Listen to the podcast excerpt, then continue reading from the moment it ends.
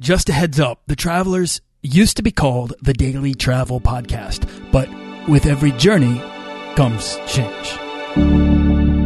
This podcast is produced by Holocene, a community of creative travelers. If you want to get serious about planning that next trip, writing that book, starting that creative project, or launching that business, we're breaking down the barriers between where you are where you want to be together at joinholocene.com. That's join, H O L O C E N E.com. Today we're talking about how to live and work anywhere with Libby Tucker. You want to travel further and more often to visit new places and meet new people and expand the role that travel plays in your life? I'm your guide, Nathaniel Boyle, an explorer that wants to help you get out, see the world, and find meaningful, life changing experiences. Everyone wants to be adventurous and have great stories, to do the stuff of legend. This is the Daily Travel Podcast. Today's free resource of the day is a website that just launched by friend of the show, The Wandering Earl. It's called Plansify.com, and on it you can actually book time for a very small fee with your favorite travel bloggers, experts, writers, or podcaster. Uh, the list goes on. So let's say you want to pick my brain for an hour about your travels. Well, you can head on over to Plansify, find me, ask me anything, and I can bring the collective knowledge of more than 50 guests to our session, plus my own extensive solo around the world travel experience and travel hacking expertise. So to help you save money, plan for anything, and explore the places to which you're heading, I really think this is a cool idea. So head on over to dailytravelpodcast.com slash plansify and let's chat.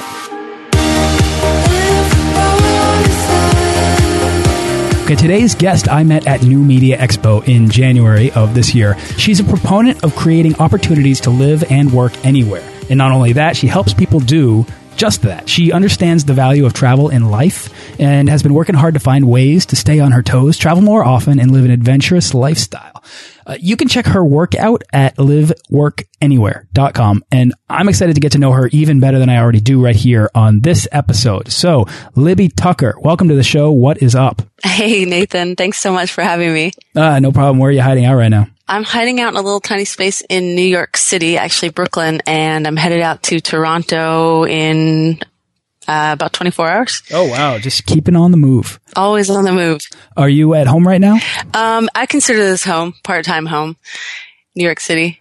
What's going on in Toronto? Uh, I'm actually doing a project in Toronto. I'm helping out with elance.com, helping out, uh, kind of do some brand evangelism up there, doing some consulting and, uh, checking out the city. I've never been there. I'm going to work on my stuff and get a chance to actually do some non-distracted work up there. I'm probably going to head to Montreal as well. I love that. I love escaping. I just went to Switzerland earlier this year just for the express purpose of hiding in a town and writing and actually designing a lot of this podcast and, and just, it, it really kind of resets the mechanism, right? You can kind of reinvigorate your imagination, which really then gets you thinking and then all the creative ideas can come out when you need them to. Exactly what you just said. It just, no distractions. It sparks creativity. I've shared a little bit about you, but I want you to introduce yourself, who you are and how you got started traveling.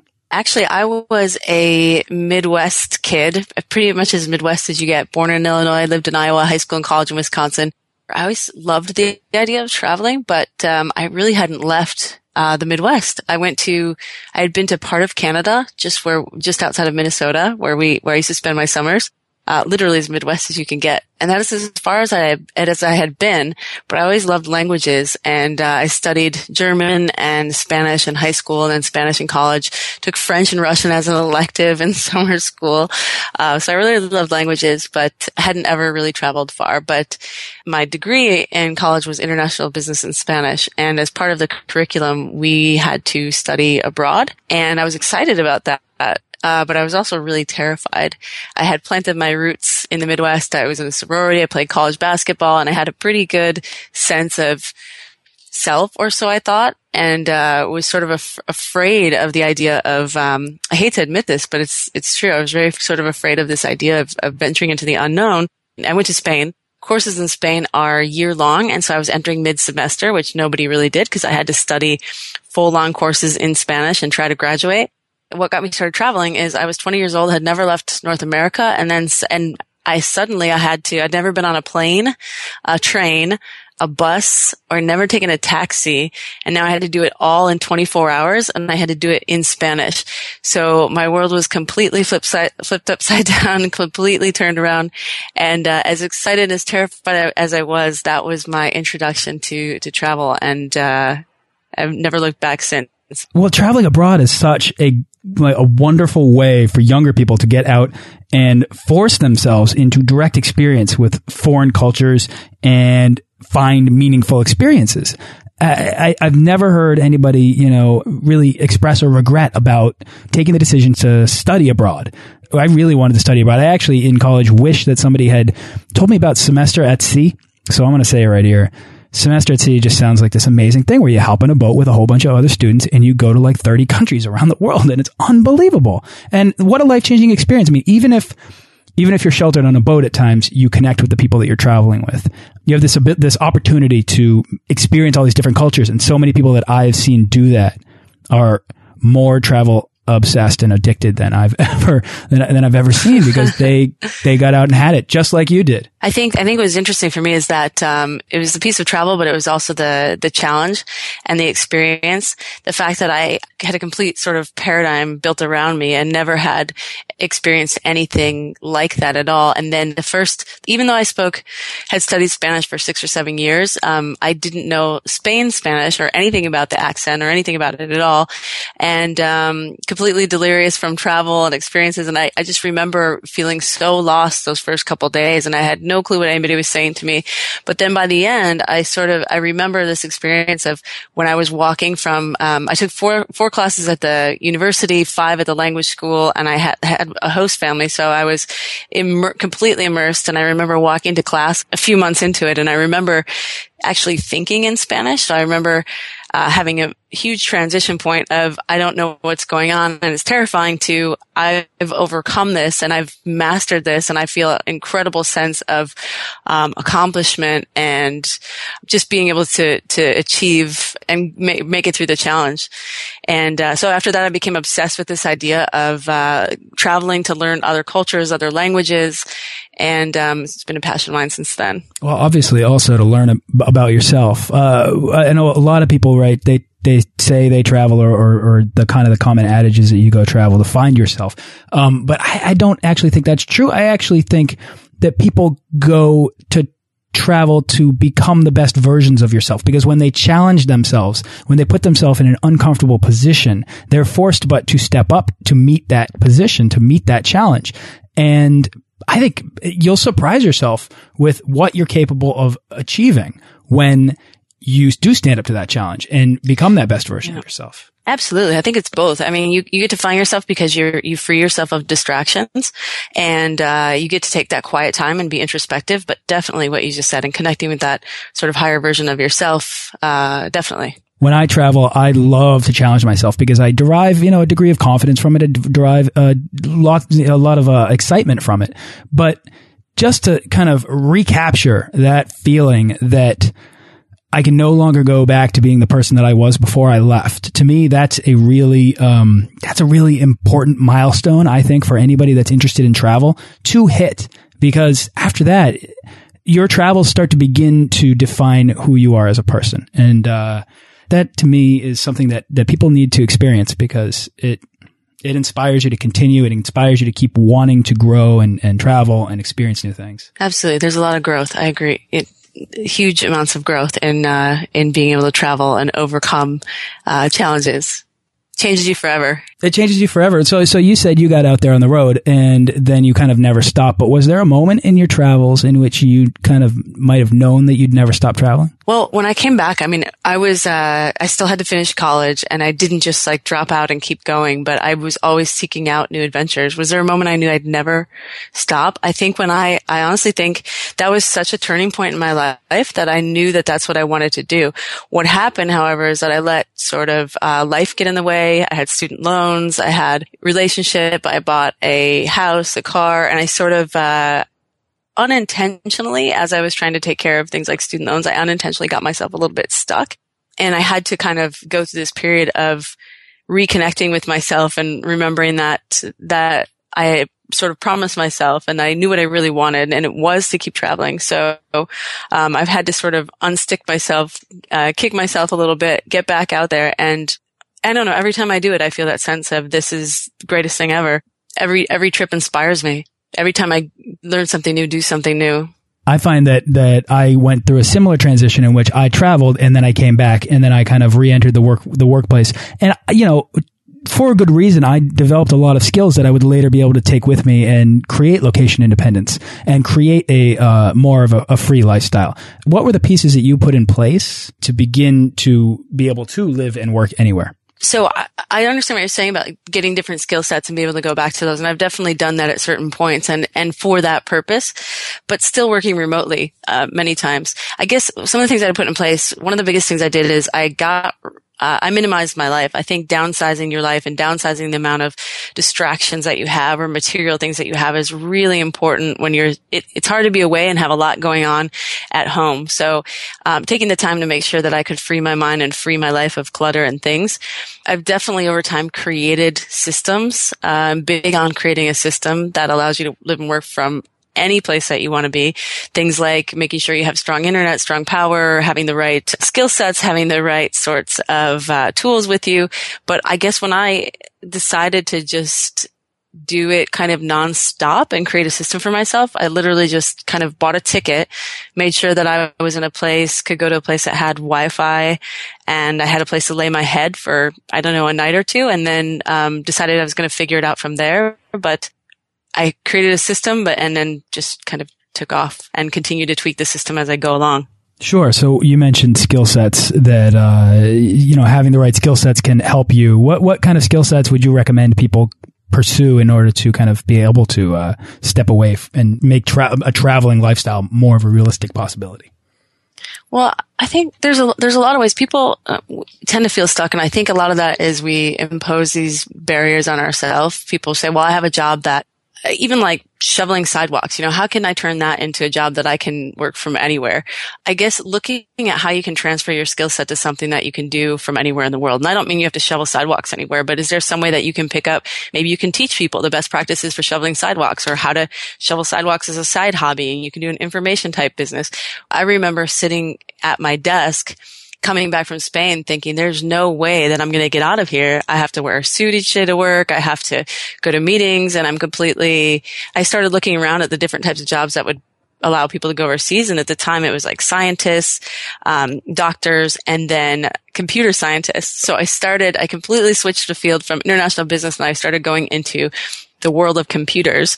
So I started a journey kind of down the wrong, the wrong path to begin with, but then eventually came back around. I started doing like PHP and websites at night, um, taking courses, getting certified. So for me personally, I started doing things like building websites for clients as I, as I hit the road. So that's a skill set that I always sort of had in my back pocket that I while I was working my job, I started building those skills. But, um, but so many things can transfer to online that people don't even realize. If there's any sort of skill set that you have, is there a way to package that into something more tangible? Like, again, uh, my friend's a trademark attorney. So he could literally, I mean, he has some face-to-face meetings, but he can literally do some of those from anywhere, or he can. Uh, one of the things that I do is I have a like a home base. So New York being my home base, I come here, I do lots of networking and events, and meet people face-to-face. And then when I go off again, we have that uh, tangible face-to-face relationship that I can count on, and then I'm gone, and uh, then we can continue the relationship from that point on, from the face to face. There's also things like Google Hangouts now where you can do Google Hangouts in lieu of face to face. Sure, they may not be as great, but there's, there's so many different examples. I kind of like the challenge of being able to take an example and turning it into something that is what I, what I like to call it are anywhere startups. So either creating a system around you that's, um, for a startup that you can run from anywhere, or in the case of uh, being a professional or a freelancer, creating a skill set based on either knowledge or um, something that can be done remotely um, in terms of freelancer and building a client pro- portfolio. Does any of that make sense? it, it, does. It does. So I'm gonna I'm gonna pull out of here. Anywhere startups, basically, you're helping people take their skills that they already have and translate them to be things that they can use online tools basically in order to create online location independent businesses instead of looking at their skill sets as as things that require that they get a 9 to 5 job in an office. Right. I mean, what I do and what I've been doing and I'm passionate about is creating startups that you can run from anywhere. So I love creating websites. I love building businesses like Bearded Buds, Promo Bomb, software as a service, e-commerce. I love building businesses that I can take with me that I can run from anywhere. But um, if that's not your kind of thing, but you do have, you're working a nine to five now and you're wondering how can you translate your skills from a nine to five into a remote, uh, so you're able to telecommute or work more remotely, then you can definitely take a look at what your skill sets are now and either look to build another skill set like um, content writing, copywriting, anything that you can do online um, I could list off a bunch of different skills as well that you could either gain or translate. But I guess what I was saying too is like if you can't directly translate, let's say you're uh, you're not a writer and you can't um, you you don't have the skills or don't want to pick up writing, but you are a snow shoveler. could you take and package that into a business somehow that you can run remotely.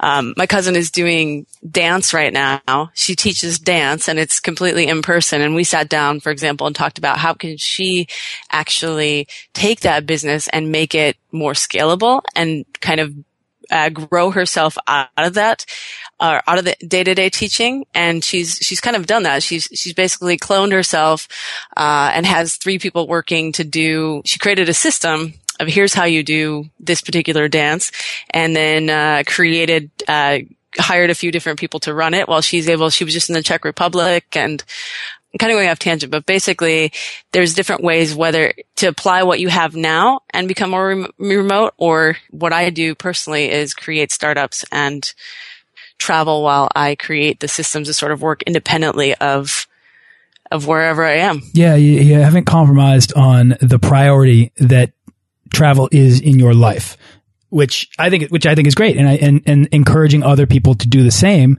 is, uh, incredibly useful because I think a lot of people listening, a lot of people in life just, they can't quite figure out a way to make travel more of a, uh, like a larger component of their day to day life. You know, I think Nathan, another thing that people do is they think, and people ask me this a lot too. They're like, well, it's too expensive, you know, to do what you do, or you must be making tons of money. And people think like what I, what I do is so far fetched or so unreachable.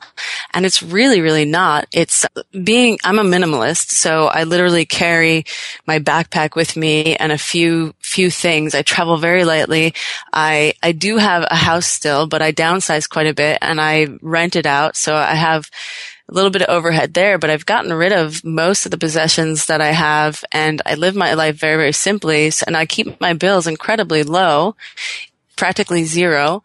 And then all the revenue that I bring in, I'm able to use for travel. And the other thing is I'm not going to, you know, awesome resorts. I'm not actually even a fan of resorts, but I'm not going to really expensive resorts. It's transitioning sort of your mindset from this idea of travel as this getaway and this incredibly expensive trip with, with lots of souvenirs and lots of, you know, sightseeing trips into this what I do and what I'm passionate about is is getting to know the people and the culture and the language and living simply as though you were part of the culture and as though you were there. So I'm a fan of hostels still. I love going to hostels because I love, they're always in good locations. There's always a lot of people. They're always safe, mostly. Uh, and you can learn a lot very quickly about a culture. Or I also like renting an apartment when I'm there. So if you speak the language or you have the ability to do so, I try and keep my costs around like for renting an apartment, three, four hundred dollars a month. And I've kept that regardless of, of where I'm at. Like Budapest, which is in, which is on the euro, was able to keep costs down just by the nature of living like the locals and getting a place and eating from the market. You don't have to go to like, you know, try and find a TGI Fridays in Paris. Like go, go to the market and get fresh bread and, and cheese and live like a local. I think a lot of people come on this show and they kind of express the point that and this is for people that are that are kind of permanently traveling, but it costs less to live on the road because you can kind of live in these in these circumstances. I mean, obviously, if you're going from yeah a resort or a nice hotel, you're you're going to run out of points, you're going to run out of miles, and then you're going to run out of cash very quickly.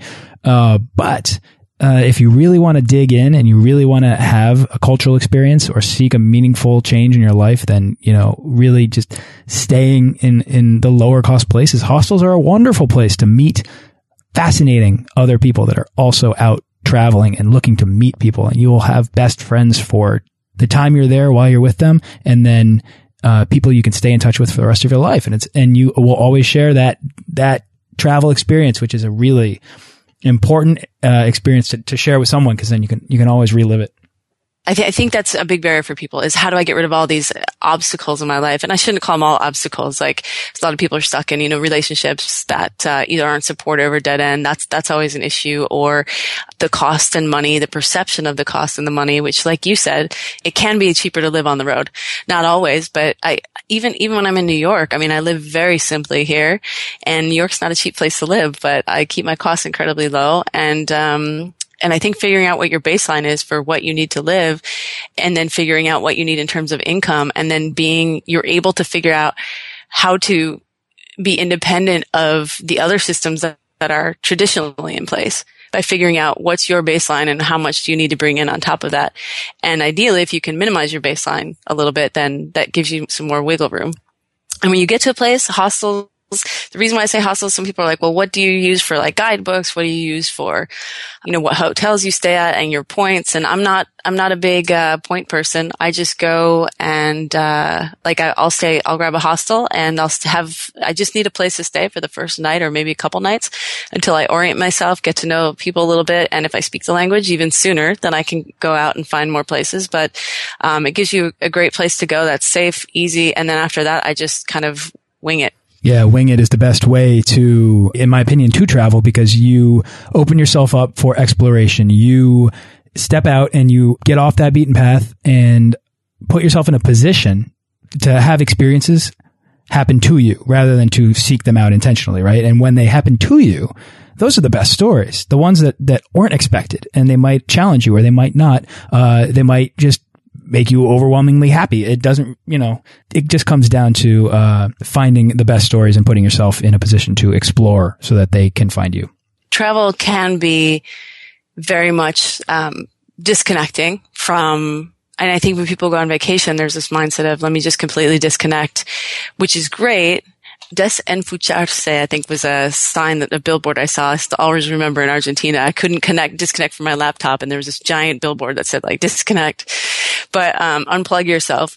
So I think it's, um, it's great to be able to escape the nine to five to, to escape the, to have this mentality of I need a break. But when you're kind of looking at in terms of lifestyle and being able to live and work from anywhere, the other thing is that those escape moments aren't, you, are still work, working, right? So I'm still working. So I still create a routine for myself. I'm not working all the time by any means, but I'm creating a routine for myself and a schedule and a workflow so that let's say when I land in um, another country, then the next week I'm still maybe I'll take a day off, but um, after I land in a place and trying to figure out another place to go, uh, if I'm not traveling to to go sightseeing or look at things or learn culture, which you learn no matter what, just by just by the nature of being in another place place. You'll learn about the culture and you'll learn about the language and the food because you have to, because you're there. Um, but I also do set up, I make sure that I have a routine set up and internet figured out for for my work and for my schedule so that I can be completely seamless to to any sort of operations that I have in my company. Does that make sense? It does make sense. And then you're helping other people figure out how to do that as well.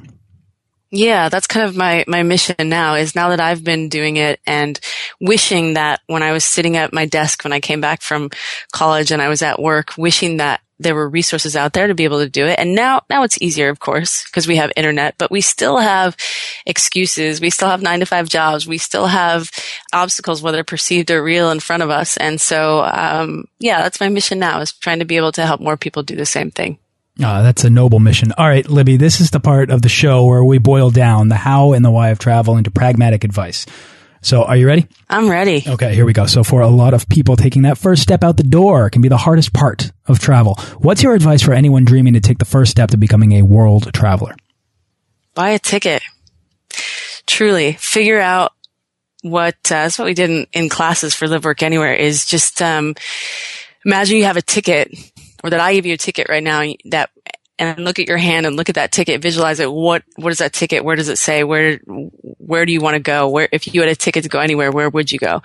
And then buy the ticket and work backwards from there. I know it's not always that easy, but once you have an end goal in mind and once you have a definitive um, travel plan, then you have no choice but to work backwards from there. I mean, make it realistic, but do it. Buy a ticket, work backwards. Yeah, that's it. I mean, maybe it's not a ticket. Maybe it's submitting an application to study abroad. You know, maybe it's uh, it's it's just putting yourself in that position so that it's more difficult to uh, to go back than it is to go forward. And create a thirty day plan. Like we create a thirty day action plan. Like create.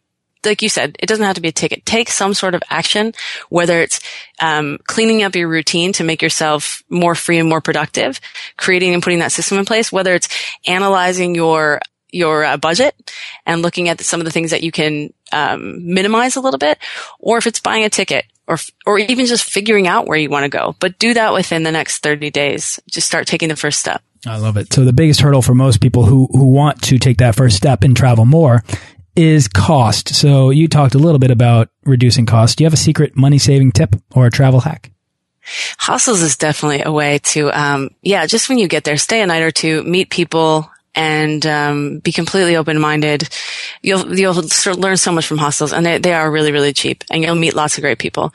Um, another thing that that I do, which I don't I wouldn't recommend this for everybody, but I do fly standby quite a bit. I have friends who have uh, buddy passes, and I fly standby, and I pack earplugs and an extra sweatshirt and a bag to sleep on, just in case I get stuck in the airport. So um, you don't always need to stay in a, a comfy hotel if you have the right gear with you when you're when you're traveling if you have to crash at the airport. that allows you to be a little bit more flexible. I know I, have I've crashed at my fair share of airports. It's not super comfortable, but uh, but it makes for a great story. yeah, I, iPad, iPad and earplugs. there you go. Yeah. Speaking of which, packing is easily my least favorite part of travel. Do you have any advice to help people pack better?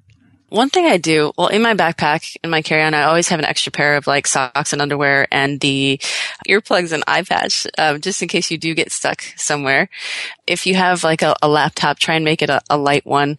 Don't, don't make it, um, obvious well, that's another subject.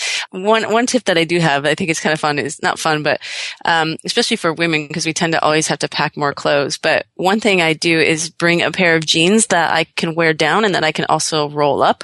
So in case the weather changes, um, you don't have to bring like a pair of shorts and a pair of jeans. You can actually convert your jeans into capris and vice versa. There you go. All right. Do you have a favorite internet travel tool or resource that you use all the time?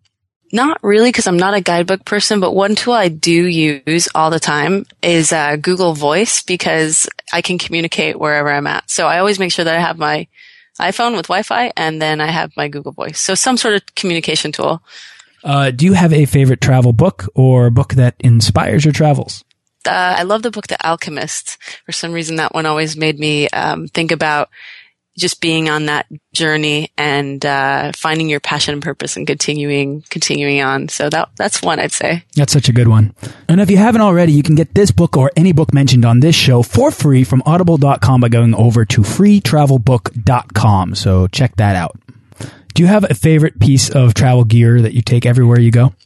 My backpack, my laptop. Um, can you carry your backpack on every plane? Well, I have a little backpack, and then if I have the giant, the giant one that has like um, opens up, so you can uh, do suitcase style packing instead of top down. You can open it up, and it also has like the back support plus the rain shield or the rain cover. Um, can I take it on the plane with me? I take my smaller one with me on the plane always, and then that one I have everything I need in it, and it's pretty much my life in a backpack. Awesome. All right, if you could go anywhere, where would you go? Oof, everywhere. um, to the moon, literally. But uh, sticking to Earth, my next trip, I'm dying to go to Iceland. It's been on the list for a while, and I haven't made it yet. Yeah, Iceland's a Iceland's a big one. Uh, I I'm dying to go there. No, I really want to go for yeah. all the probably all the exact same reasons. Yeah, I've had some people on the show talking about Iceland, and it just gets my blood boiling. Uh, all right, Libby, last question of this buy round. Ticket, yeah, no, buy a ticket. You're absolutely right. all right, what's the weirdest thing you've ever eaten? This is common in some cultures, but it was such a shock to me that it still sticks out. Squid, but boiled in its own sort of ink. I'm not a fan of squid ink. That's the first one that sticks out. There you go. Yeah, well, it There's makes, lots of strange things. makes for great pasta. There you go. So, uh, yeah, right, exactly. Is there anything else you'd like to share before we wrap up? I encourage people to take that first step. And if, uh, if anyone wants to ask me any questions, feel free to reach out. Awesome. Is uh, what's next for you? Where's your next trip, and what's your next project? Well, I'm working on uh, Anywhere Startup. So I'm looking, I really am just starting in the beginning stages of helping people, putting together a program to help people live and work from anywhere um, by building these Anywhere startups. And I'm trying to figure out exactly what that's going to look like, whether it's overseas travel or it's just a system online. I'm not sure yet. So I'm trying to get feedback on that. And I'm also doing the world's first uh, hackathon from 30,000 feet. I'm taking um, airhackathon.com. I'm taking some of the best and brightest uh, travel and internet hackers and putting them together on a plane to try and solve some of the problems that um, affect us as a as uh, in the ecosystem for the digital nomad. So when I step off the plane in, in, in like Chile, why does my phone say roaming? Why doesn't it just work? Working to solve problems on that level. I love that. Please do that. Yes, there's so many. There are so many things that I, when I get into another country, I want to uh, hit the ground running and start working. And uh, you know, when, Right. when I'm traveling with that, Playing too. Right, exactly, playing too. But you know, like you, it, it needs to be a seamless process, especially if you want to travel regularly. And often it's not. So I, I, I like this. I like where you're heading with this. Cool. Awesome, Libby. Yeah, definitely. So uh, where can people go to find out more about you? Uh, liveworkanywhere.com. There you go. Are you on Twitter? I am at libtuck, L-I-B-T-U-C-K. Awesome. All right, Libby. Thank you so much for coming on the show. Thank you so much. Uh, This is a great podcast, and I, I'm excited. Thank you. All right, bye. Thanks for listening to this episode of the Daily Travel Podcast. For show notes and links to everything in this episode and more, head on over to dailytravelpodcast.com. Join our Facebook page of explorers and subscribe to our newsletter for the best deals and resources to help make your next trip life changing.